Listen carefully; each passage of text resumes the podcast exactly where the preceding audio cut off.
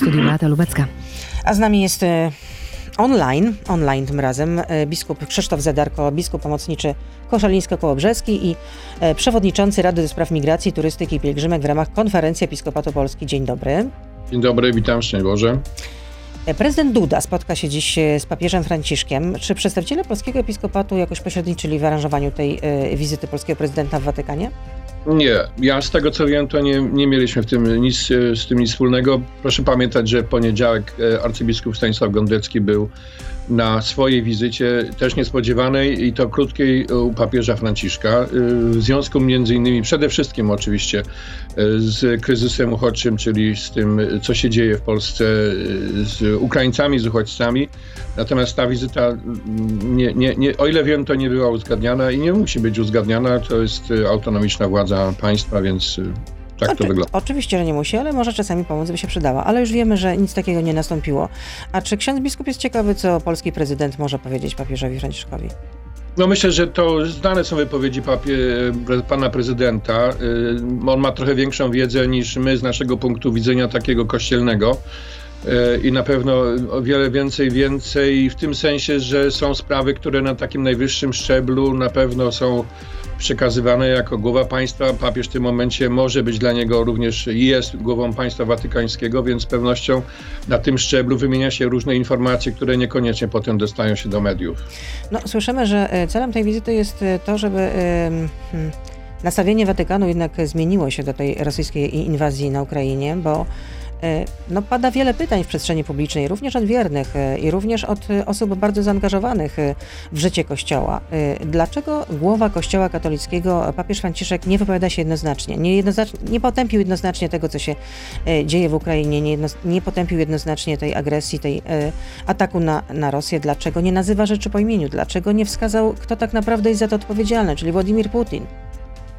Ja myślę, że tutaj posługujemy się pewnymi stereotypami, które się ukuły, bo y, wynikają one przede wszystkim z takiego jednego chyba stwierdzenia, że papież nigdy nie użył do tej pory e, imiennie, personalnie Putina jako głównego sprawcę tej wojny, czy też Łukaszenki jako jego towarzysza e, i to dla wielu stało się powodem do takiej zmasowanej krytyki. Ja e, zastanawiałem się nad tym od samego początku, dlaczego tak jest i odpowiedzi przychodzą już z czasem, przyszły.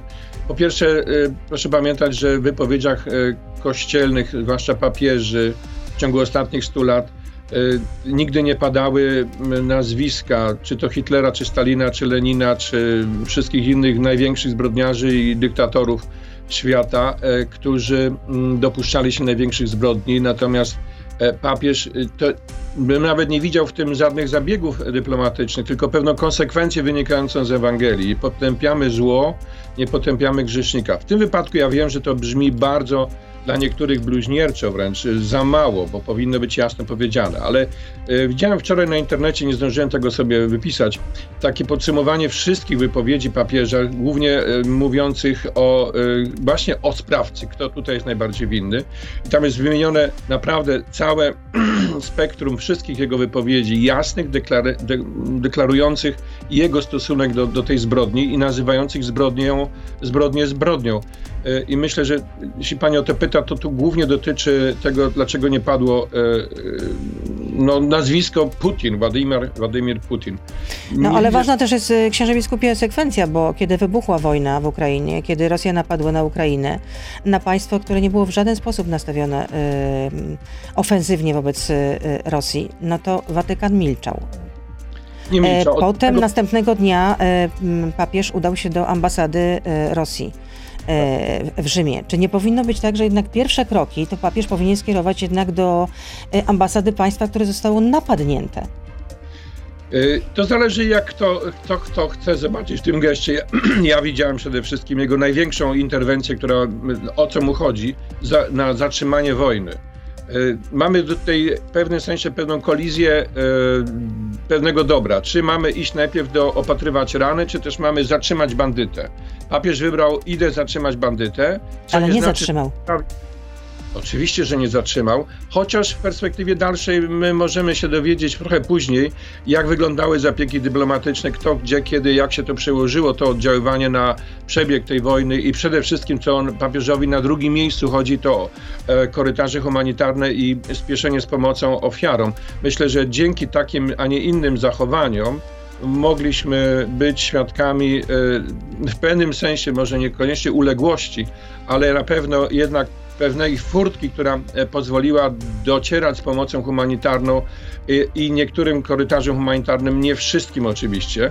Natomiast jeżeli pani chciałaby najpierw pójść e, do bandyt, e, do y, ofiar i najpierw im leczyć rany i dalej pozwolić, żeby wojna się toczyła, to teraz wybierzmy w takim razie, czy nie lepiej uderzyć w bandytę, czy lepiej może najpierw e, po, pochylić się nad rannymi. Papież a może by... jednak najpierw udzielić wsparcia, a dopiero potem porozmawiać z bandytą. A poza tym, czy nie jest tak, że nasza mowa powinna być tak, tak, nie, nie, a, a co nadto jest od złego? E, pochodzi. Jest tak, tak, nie, nie. I proszę wskazać jakąkolwiek jedną wypowiedź, jedno zdanie papieża, który łagodzi albo. Tylko, że e, lista państw, przepraszam, że przerwę księdzu e, biskupowi, lista państw, które nie zdecydowały się na takie jasne potępienie Rosji za to, co robi na Ukrainie, jest krótka. To są Chiny, Izrael i stolica apostolska. Ja nie wiem, kto tę listę sporządzał i absolutnie z nią nie zgadzam, bo jasne, zdecydowane wypowiedzi nie tylko papieża, ale również całych e, e, dyplomatów, wszystkich dyplomatów, którzy są w tym e, w jakiś sposób uwikłani, niekoniecznie znajdujący się na pierwszych stronach e, gazet, jest jednoznaczna. Ja naprawdę uważam, że to jest, to jest krzywdzące i nieprawdziwe. Papież jednoznacznie e, nie tylko, że potępił e, zbrodnie wojenne i sprawców, którzy to wykonują, ale pospieszył z niesamowitą pomocą E, na miarę tych możliwości, jakie ma. Proszę pamiętać, że wysłał tam swoich kardynałów. Oni przynieśli ze sobą niesamowitą pomoc. Za nimi stoi niesamowita, duża, olbrzymia struktura nie tylko Kościoła w Polsce, ale również w całym świecie, bo proszę pamiętać, że z pomocą humanitarną spieszą wszystkie kościoły, które są w Caritas Internationalis, Caritas Europa zjednoczone i te, te wysiłki są koordynowane i naprawdę mówienie tutaj, że mamy, czy relatywizowanie, że mamy tutaj do czynienia z jakąś, e, jakimś brakiem albo mamy poczucie zawodu, to naprawdę jest duże nadużycie. Ja bym wylał dużo zimnej wody na rozgrzane głowy tych, którzy e, formułują tego rodzaju oskarżenia. No ale nawet był ambasador RP przy Stolicy Apostolskiej, obecnie członkini Papieskiej Komisji do Spraw Ochrony Nieletnich, profesor Hanna Hosuchocka. Na łamach przewodnika katolickiego wyraziła taką opinię, że język dyplomacji w obliczu zbrodni to za mało. Ja to nie widzę w tym języka dyplomacji przede wszystkim. Ja znam te komentarze. Ja widzę tu przede wszystkim język Ewangelii, język Kościoła, który jest od samego początku taki sam, chociaż nie zawsze wszystkim się podoba. E, jest pytanie dla mnie takie fundamentalne, kiedy zastanawiałem się na początku i też miałem mieszane uczucia. Co zrobiłby Jezus? Ile razy, w jaki sposób Jezus potępił okupantów, czyli Imperium Rzymskie, które uciskało wtedy, e, kiedy żył, e, Rzym, Żydów? W jaki sposób wyglądało jego potępienie tej nie, nie, nieuprawnionej władzy, okupacyjnej władzy, jak reagował na Heroda, na Piłata, w jaki sposób rozmawiał z tymi, którzy przyczynili się nieraz do śmierci w przypadku Heroda, do tych, którzy mordowali Żydów ja, ja myślę, że tutaj my, my plączemy jeden porządek ewangeliczny, kościelny, dyplomatyczny z politycznym i, i gubimy się w ten sposób. Za, pozwólmy papieżowi działać tak, jak Ewangelia go jak uczy, jak on ją odczytuje i jak on uważa, że na dzisiaj jest to dobre. Proszę pamiętać też, że do dzisiaj toczą się spory o Piusa XII toczą się, to prawda. Okazuje się, że kiedy otwieramy niektóre, e, jeszcze nie wszystkie, archiwa z okresu II wojny światowej, okazuje się, że papież Pius XII uratował tysiące Żydów, a do, jeszcze niedawno oskarżano go o to, że milczał wobec Holokaustu. Ja myślę, że to są zbyt wczesne i zbyt e, e, gwałtowne oceny, które wynikają chyba raczej z pewnej niewiedzy, bardziej z gorliwości. Ja rozumiem tę gorliwość, jak pani przytoczyła, katolików, którzy chcieliby e, manifestację władzy i postawić papieża e, obok wszystkich wielkich tego świata. Niech Kościół zachowuje się tak, do czego jest powołany. Tylko, że wtedy, teraz można odnieść takie wrażenie, że w tej chwili autorytetem, autorytetem, który przemawia w imieniu Zachodu i nie boi się nazwać rzeczy po imieniu zła złem, to jest prezydent Stanów Zjednoczonych, Joe Biden. Ale on przemawia jako wielki e, tego świata, człowiek, który ma za sobą gigantyczną armię, ma niesamowite środki, przemawia jak polityk. Papież nie jest w tym momencie, tu się nie zgodzę, że tutaj jest dyplomacja nad e, Ewangelią. Papież przemawia tu jak głowa kościoła, którego misja jest inna niż e, głowa, niż jaka głowa jakiegokolwiek innego państwa. Uszanujmy to i może spróbujmy się nad tym pochylić, zobaczyć jaka jest misja kościoła i jakie są tego owoce. Dla mnie przekonywającym owocem jest to, o ile wiem, że oddziaływanie również dyplomatyczne watykańskie doprowadziły do niejednego korytarza humanitarnego humanitarnego, który wydawał się na samym początku absolutnie niemożliwy. No to tyle w części radiowej. E, ksiądz biskup Krzysztof Zadarko z nami zostaje. Jesteśmy na Facebooku, na Radio ZPL, e, mm, na YouTube, więc proszę zostać z nami Beata Lubecka. Zapraszam. I tak jak powiedziałam, e, ksiądz biskup Krzysztof Zadarko jest z nami, ale jeszcze mm, będę drążyć ten temat w tym sensie, że no, brak symetrii też w takich relacjach kościelnych jednak, bo papież y, najpierw, y, no, Watykan nie widział potrzeby spotykania się, czy też rozmowy z cerkwią rosyjską, a potem się jednak okazało, że do takiej rozmowy doszło. Natomiast no, nie przypominam sobie, żeby papież rozmawiał z cerkwią ukraińską, chyba że ja coś przeoczyłam.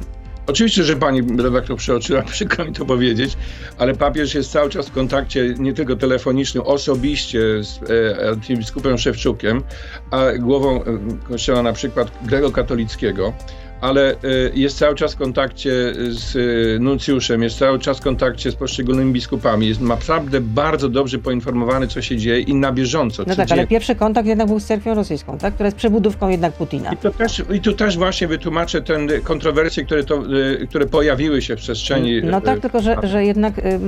Ale Patriarcha proszę, Cyryl mówi rzeczy no niebywałe po prostu, niebywałe. Niebywałe i proszę posłuchać, ja sięgnąłem po źródło, czyli po oficjalne strony watykańskie Osservatore Romano i tam jest streszczona ta rozmowa z e, patriarchą Cyrylem, która wywołała tyle kontrowersji. Jeżeli papież, e, głowa kościoła katolickiego, tak można powiedzieć, zwierzchnik Kościoła katolickiego rozmawia z patriarchą, który można powiedzieć z punktu widzenia prawosławnych to jest odpowiednik. Oni traktują siebie jako, e, jako zwierzchników kościołów niezależnych, prawosławnych.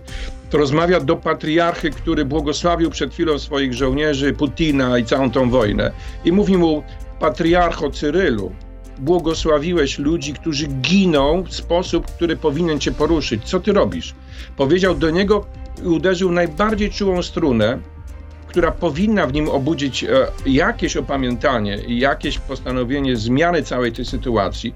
Giną twoi ludzie. Ja na początku też mnie to bulwersowało i byłem bardzo, nie powiem, że zdenerwowany, ale nie rozumiałem i myślę sobie, o co tutaj chodzi. Dopiero potem zastanawiając się nad tym, kto z kim rozmawia i na czym, o co, o co jest tam w ogóle rozmowa. To przecież wszyscy wiedzą e, i papież e, nie musiał powtarzać, że zła, e, wojna jest złem, tylko uderzył w argumenty, które powinny były przekonać Cyryla. On oczywiście jest skamieniały, jak widzimy, reakcji za wiele nie ma, ale dla mnie to było coś bardzo zaskakującego i przyznam się, że chodzi to za mną cały czas że to było genialne. No jeżeli mówi do kogoś, kto błogosławi przed chwilą żołnierzy i go nie rusza to, że ci, tych żołnierzy pobłogosławił, wysłał na śmierć, a to mamy do czynienia z jakimś e, zatwardziałością wręcz diabelską. Ale czy relacje z tą, z tą rosyjską cerkwią prawosławną nie powinny być co najmniej zamrożone? E, to też jest pojęcie polityczne i działania stricte polityczne. Ja obawiam się czegoś jeszcze gorszego. Muszę pani powiedzieć, że w grę wchodzi rozdział podział, y, który zawsze przekłada się na niesamowite nieszczęście. Mianowicie y, musielibyśmy tu zrobić szybki wykład z, z prawosławia, które, jak pani wie, jest zbudowane na patriarchatach Kościół Wschodni jest e, tak zbudowany, że każdy patriarcha jest w jakimś sensie niezależny, autonomiczny.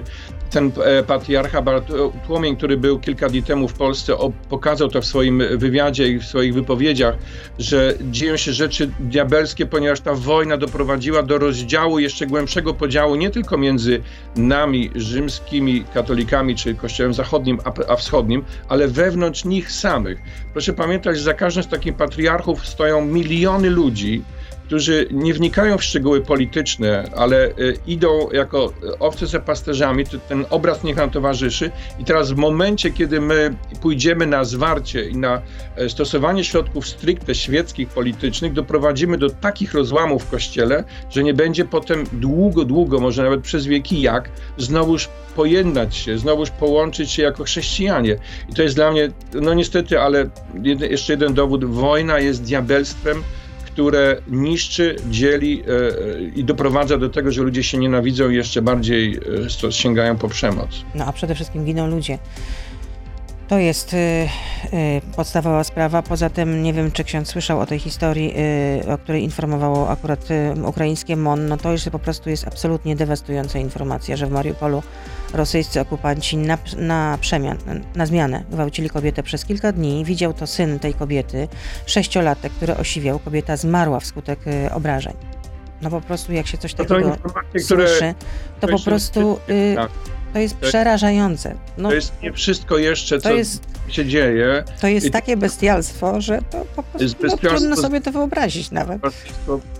Jesteśmy bezradni wobec tego, e, co ci ludzie wyrabiają. I dla mnie najbardziej jest zastanawiające, jak można dojść dzisiaj w XXI wieku do, e, do takiego zachowania, nawet jeśli to jest wojna, jak można dojść do takich zachowań, które nie wiadomo czym usprawiedliwić, bo nawet na pewno nie ideologią, na jakąś nie polityką.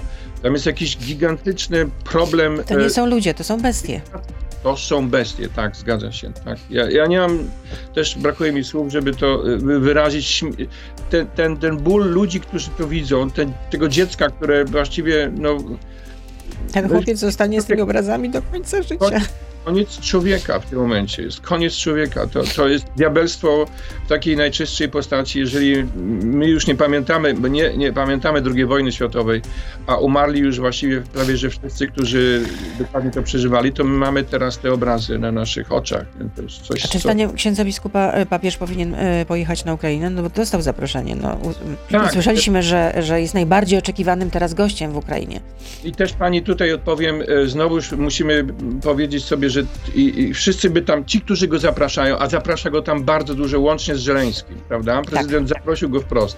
To proszę pamiętać, że znowu w grę wchodzi bezpieczeństwo i też pojawienie się papieża, głowy Kościoła Rzymskokatolickiego, czy zwierzchnika Kościoła Rzymskokatolickiego na terytorium prawosławia. Proszę pamiętać, my tych rzeczy, tych kategorii nie rozumiemy, ale one odgrywają niesamowitą rolę.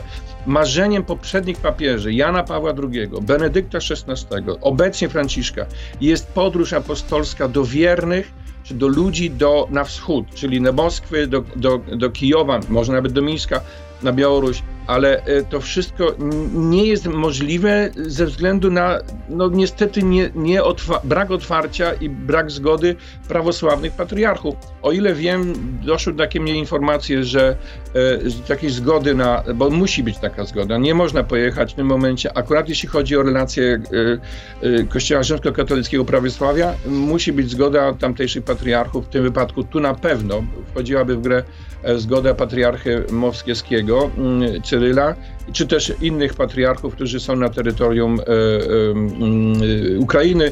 Może nawet tych ukraińskich nie, bo oni by się zgodzili przypuszczam, ale e, tych prawosławnych, tam jednak jest cerkiew e, prawosławna, e, moskiewska, więc to, to są takie skomplikowane niestety nie tylko niuanse, ale brutalna rzeczywistość, skomplikowane relacje między nami a prawosławnymi i to uniemożliwia papieżowi. Jestem przekonany i to wiem skądinąd, że papież ma gigant, wielkie pragnienie, aby być w tym momencie na Ukrainie wprost wysyła tam swoich ludzi, wysyła tam swoją pomoc, jest cały czas w kontakcie, codziennie. To wiem na pewno. W kontakcie codziennie, co się dzieje i mówienie o tym, że on relatywizuje albo e, jakoś dystansuje się do tego, tej tragedii, zwłaszcza to, co pani przed chwilą powiedziała, to jest, to jest absolutnie nadużycie i nieprawdziwe i krzywdzące. I oby tego nie powtarzano w ten sposób, nie mnożono takich e, nieprawdziwych informacji. Chciałam jeszcze zapytać o tę mm, pomoc, mm, którą Kościół udzielał uchodźcom. Tutaj też były liczne pytania, czy ta, czy ta pomoc jest aby wystarczająca, czy jednak Kościół nie mógłby zrobić więcej w tej materii, bo y, czy można powiedzieć, y, ilu uchodźców z Ukrainy przyjęło 41 diecezji? Ile tam osób znalazło schronienie? Zbieramy, e, zbieraliśmy, bo to nie mogę pani teraz e, odpowiedzieć dokładnie, ale mogę odpowiedzieć na podstawie danych, które otrzymałem z Caritas Polska, bo Caritas koordynuje tę całą pomoc i e, to, co jest właściwie na dzisiaj wiadomo, to My mamy na dzisiaj, powiem tylko kilka liczb. Jeżeli 130 placówek Caritas wydało uchodźcom, wydaje uchodźcom codziennie 50 tysięcy posiłków w całej Polsce. Jeżeli na dzisiaj wiemy o tym, że na przykład przyjęto 2,5 tysiąca dzieci ukraińskich sierot i dzieci z rodzin zastępczych i rodzinnych domów dziecka. Oprócz tego oczywiście dzieci, ponad 800 dzieci z opiekunami plus opiekunowie, to to są liczby idące w tysiące i w tym momencie ja jestem, świeżo jeżdżę po mojej diecezji koszalińsko-kołobrzeskiej, gdzie raczej są wioski. U nas e, w małych miejscowościach jest mała liczba uchodźców, bo jak wiemy zakorkowane są duże metropolie, duże miasta i tam właściwie to, co uderza i co widać wszędzie, to jest to, że e, wszyscy uchodźcy e, są gdzieś przedmiotem opieki, niesamowitego poruszenia społecznego, gdzie nie pytamy kto skąd jest, to z kim, e, jakiej organizacji. E, te, ci wolontariusze, którzy są na poziomie od Przemyśla począwszy, skończywszy na Warszawie, na wielkich miastach, oni ze sobą współpracują i ta pomoc jest bardzo, bardzo E, mi się wydaje, zjednoczona i jest bardzo konkretna. Ja będę mógł takie dane pani dostarczyć, jak tylko do wczoraj zbieraliśmy ankiety we wszystkich parafiach, żeby mniej więcej wiedzieć, jak to wygląda i w zakonach, i w parafiach. Więc na dzisiaj tego nie mogę powiedzieć, ale jeżeli na przykład mamy dzięki pomocy, zaangażowaniu Caritasu, przez zbiórki, ciągle prosimy o pieniądze, o dary. Jest 7,5 tysiąca ton pomocy oprócz żywności, środków higienicznych, patrunkowych, również generatory prądu, środki czystości, koce, śpiwory, karymaty, latarki. Jest 35 milionów e, w sumie wysłaliśmy tych, e, tych transportów. Ja... Ale rozumiem, że wszystkie te rzeczy udało się zgromadzić, te dary e, pochodzą od wiernych. Tak, to wszystko pochodzi od wiernych. To są wszystko zakupy dzięki pieniądzom, które żeśmy zebrali. To są też, w tym również przychodzą transporty y, z zachodu, z różnych kościołów zachodnich, czy caritasów, czy kościołów y, na zachodzie, również z Ameryki, z, y, z innych kontynentów. To wszystko idzie, można powiedzieć, logistycznie przez całą infrastrukturę mm, Caritasu. Mamy gigantyczne, wielkie centrum logistyczne w Lublinie, a stamtąd i w Przemyślu, i stamtąd są kierowane transporty. To idą naprawdę dziennie po kilka, kilkanaście tirów pomocy humanitarnej, jeśli chodzi o tę pomoc na Ukrainie. Oprócz tego proszę pamiętać o wolontariuszach, księżach, siostrach zakonnych na samej Ukrainie, no i w Polsce. Ja się bardzo z tego powodu na przykład cieszę, że prawie że wszystkie domy zakonne, czy nawet u nas y, plebanie, które są na małych miejscowościach. Taka mała miejscowość ostatnio pod Szczecinkiem e, odwiedziłem proboszcza, raptem tam na plebanii jest y, młoda pani z dzieckiem, niewierząca, niepraktykująca, dziecko też nieochrzczone.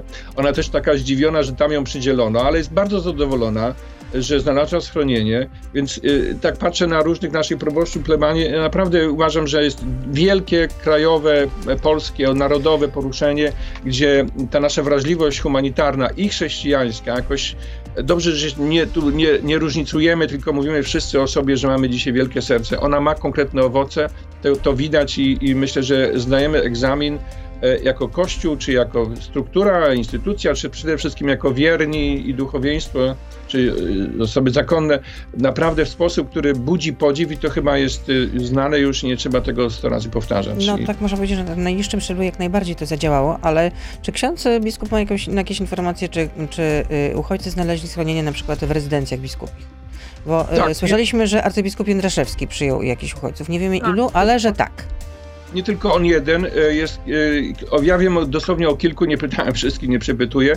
E, i to jest chyba oczywiste, bo proszę pamiętać, że y, ja, ja, nie muszę przyjąć na przykład, bo nie, nie, mam akurat możliwości, nie mam pokoju wolnego, ale mogę na przykład sam i to robię. Y, nie chcę tego głośno mówić, ale skoro pani tak mnie przypiera do muru, y, za, że płacę za mieszkanie dla uchodźców, którzy, e, którzy wynajmują to mieszkanie, mają schronienie i się bardzo cieszę z tego powodu, że można w ten sposób to zrobić. I wiem o innych biskupach, że również to robią. E, nie wiem, czy musimy o tym e, mówić głośno i czy wywieszać takie flagi.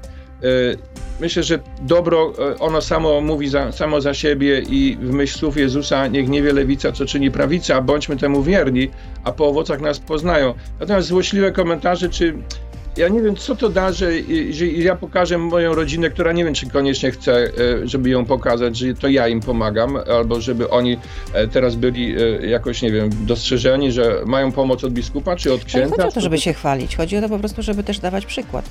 Przecież to też nie trzeba robić z tego nie wiadomo jakiej promocji, ale ja myślę, że powiedzenie o tym to naprawdę nie zaszkodzi i nie będzie postrzegane, że tutaj ktoś się tym chwali i po prostu chce zrobić wokół siebie nie wiadomo jakie publicity z tego powodu.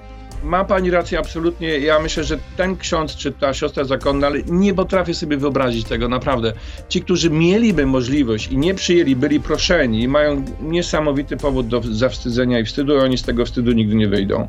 Dlatego jestem przekonany, że tam, gdzie to jest możliwe, to jest otwarte, są otwarte drzwi i jest pomoc. Proszę zobaczyć na przykład tak, o teraz byłem na Skaryszewskiej w Warszawie, tam są księża Palotyni przy dworcu wschodnim i tam e, ksiądz proboszcz mi pokazuje na plebanii, w tych trzech salkach urządzono niesamowity magazyn tych różnych rzeczy. Ludzie ciągle przynoszą. Ja tam podziwiam tą, tą część akurat Warszawy. Pani gdzie jest Karyszewska z tyłu, tam od dworca wschodniego.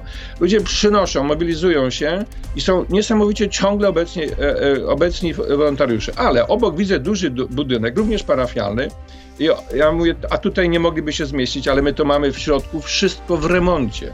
I ktoś, kto przechodzi koło tej plebanii, mówi: No nie, no proszę bardzo, no są zakonnicy, mają wielki dom, a tam nie widać ani jednego uchodźcy.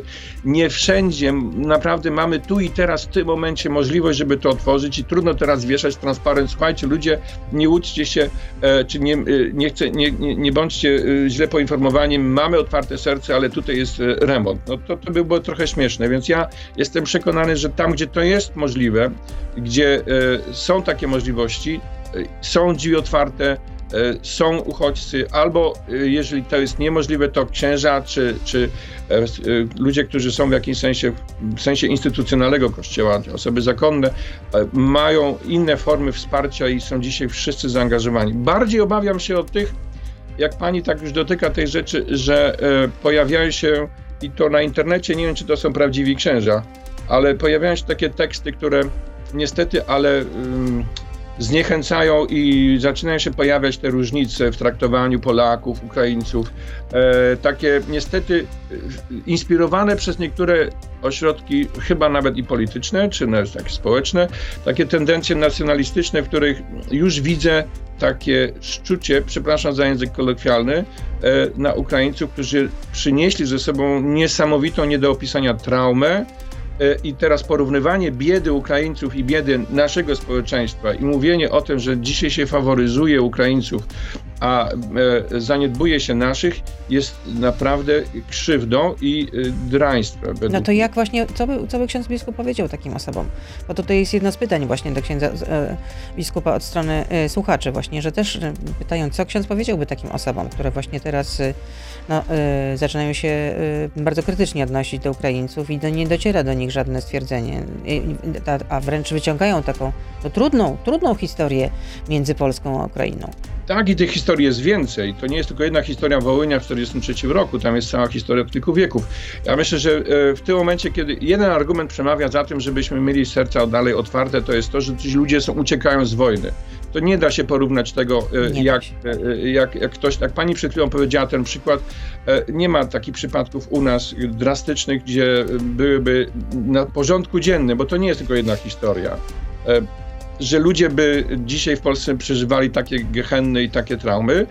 Nie chciałbym relatywizować albo robić kategorii czy selekcji przeprowadzać, e, że ci przeżywają większą biedę, ci mniejszą. Natomiast dzisiaj należy dziękować tym, którzy pomagają i mówić, apelować do rozsądku tych, którzy mają słuszne racje. E, że są rzeczy nie, nie, nieuregulowane. Przyjdzie czas, kiedy będziemy to regulować. Proszę pamiętać, to nie jest zapomnienie. Nie wzywamy do zapomnienia i mówienia, historia polsko-ukraińska zaczyna się od dzisiaj. Nieprawda. To są rzeczy, które będziemy rozwiązywać i należy rozwiązywać, ale na spokojnie, kiedy są y, obydwie strony gotowe do dialogu. Jeżeli tego nie ma, to wyrządzamy niesamowitą krzywdę. I tutaj mogę tylko apelować do, do rozsądku, do, y, nawet y, jeśli ktoś przywołuje te argumenty, to, y, to uważam, że jeżeli nie, nie, nie przeważa argument miłosierdzia, współczucia, wyrozumiałości, empatii, e, przede wszystkim postawy Samarytanina, no to przegrywa Ewangelia, przegrywa zwykła ludzka, humanitarna wrażliwość na korzyść ideologii. To jest źle. I jeszcze jest jedno pytanie od Jacka. E, byłem w ostatnio w Holandii, patrzę, kościół, wchodzę, a tam bar. To jak ksiądz biskup ocenia szansę, żeby w Polsce nie było tak samo? Jakie wnioski wyciągnęliście z działań kościołów na, na zachodzie Europy? No to dotykamy takiego tematu strasznie e, szerokiego i głębokiego, mianowicie... No ale statystyki też prowadzone przez e, tak. Instytut Statystyczny Kościoła też pokazują, że no, spada drastycznie liczba wiernych, którzy tak. uczestniczą chociażby w niedzielnych mszach. Tak. I to jest zjawisko, po pierwsze, że to jest y, sekularyzacja czy sekularyzm, który przetacza się nie tylko przez Polskę czy Europę Zachodnią, przez cały świat, to jest jedno. Na pewno jest to kryzys, który bierze, ma wiele źródeł, nie tylko bardzo często przytaczany kryzys Kościoła, jeśli chodzi na przykład o pedofilię czy o jakieś nadużycia, które miały miejsce w historii, ale o wiele bardziej widzę tutaj y, przyczynę w tym, że co papież Franciszek ciągle apeluje, że my dzisiaj y, najpierw powinniśmy uderzyć się we własne piersi i jaki sposób każdy z nas, każdy katolik przeżywa swoją wiarę, nie spychając tego pytania do hierarchicznego kościoła y, pod adresem biskupów czy księży. Tylko, no tak, tylko że hierarchowie kościelni to pasterze. Wskazują tak kierunek ale nie wiem, czy do końca to jest tylko wina, e, czy jeśli mówią, można mówić o winie, raczej o przyczynach różnego rodzaju, które na to się nakładają. Nie wiem, czy to jest tylko i wyłącznie wina pasterzy i, i księży, czy biskupów. E, czy e, na czym polega odpowiedzialność takiego pierwszego, lepszego, powiedzmy sobie, przeciętnego katolika, jeśli chodzi o jego praktykowanie wiary i jego dawanie świadectwa wierze? E, to jest takie bardzo oczywiście nośne i bardzo e, łatwe zepchnięcie i danie prostej odpowiedzi, takiej czarno-białej, winni są księża. E, ja znam fantastycznych księży, w Polsce jest ponad 20 tysięcy księży. Jeżeli mówimy o tych, którzy mm, nie do końca spełniają swoje powołanie tak, jakbyśmy chcieli, to mamy kilkanaście tysięcy. Oczywiście, że nie można księży biskupie zastosować takiej urawniłowki, mówiąc już tak, tak. kolokwialnie. Natomiast no jednak no taka jest natura rzeczy, że czarne owce po prostu najbardziej rzucają się w oczy. Koniec, kropka. I tutaj Kościół jednak przez wiele lat miał problemy z, tym, z tymi czarnymi owcami. Jest problem nie tylko z czarnymi owcami, z takimi, którzy nie są koniecznie czarne owce, ale e, różne inne e, i myślę, że tego nie rozwiążemy. To jest coś, co, nad czym bolejemy. E, natomiast też w jakimś sensie dzisiaj musimy odnaleźć inny język, inny sposób komunikacji Ewangelii, który bardziej zasadza się na osobistym świadectwie. Myślę, że o to Pani też chodzi, żeby ten przykład, jak Pani mówi, e, idący z góry, był bardziej czytelny. I e, to z pewnością jest, ale tylko jedna z przyczyn, która sprawia, że chrześcijaństwo jest mało widoczne albo mało czytelne, mało pociągające, tak mówiąc językiem już potocznym. I, i to jest na pewno coś, co e, z pewnością będzie i jest tematem e, nie tylko dla papieża. Proszę pamiętać, że toczy się synod, ogólnoświatowy synod o synodalności, czyli o sposobie bycia Kościołem we współczesnym świecie, nie tylko biskupów czy księży, ale właśnie ludzi świeckich w jaki sposób ludzie świeccy mają coś do powiedzenia przez osobiste świadectwo, ale również przemyślenia, w jaki sposób ten Kościół mógłby dzisiaj być Kościołem. I jeżeli nie będzie tego synodu, nie będzie tej synodalności, czyli bycia razem ze sobą i świeckich, i e, hierarchii Kościoła, jeśli nie będzie nawzajem dla siebie e, takiego otwarcia i e, próba szukania wspólnego jakiegoś bycia razem Kościołem, to ciągle będą jedni oglądać się na drugich. E, ludzie świeccy będą oglądać się na księży i będą mieli sprawę załatwioną. O, zobaczcie, nasi księża nieciekawie żyją, albo ich w ogóle nie widać, a księża lub biskupi będą mieli ciągle pretensje. Nie, no chodzi też o pewną taką uczciwość, po prostu o niezamiatanie afer pod dywan, po prostu. Myślę, że tego oczekują Ale ja myślę, że dzisiaj naprawdę zamiatanie pod dywan to jest już trochę sprawa e, po tylu e, działaniach watykańskich, czy w wszystkich kuriach. My ciągle zmagamy się z tym, ciągle po, to nie jest łatwy temat, proszę pamiętać. I, nie jest I, I dlatego szukanie środków takich drastycznych, jednoznacznych i krótkich i e, spektakularnych obawiam się, że nie zawsze służy dobru, które musi tutaj się pojawić. E, no, musielibyśmy roztoczyć teraz, otworzyć nową rozmowę. Nie wiem, czy pani ma czas i czy jesteśmy na to przygotowani, żeby zjechać to teraz. Na następną, na następną rozmowę. Moglibyśmy kiedy indziej, tak, oczywiście. Ja też powrócę do tego y, cytatu, który powinien nam prześwietlać, że niech nasza mowa będzie tak, tak, nie, nie, bo wszystko inne pochodzi od złego. Amen. Bardzo dziękuję za tę rozmowę. Y, ksiądz biskup Krzysztof Dziękuję. Zadarko był z nami. Dobrego dnia życzę. Wszystkiego dobrego. Do usłyszenia. To był gość Radia Z. Słuchaj codziennie w Radio Z i na player radioz.pl.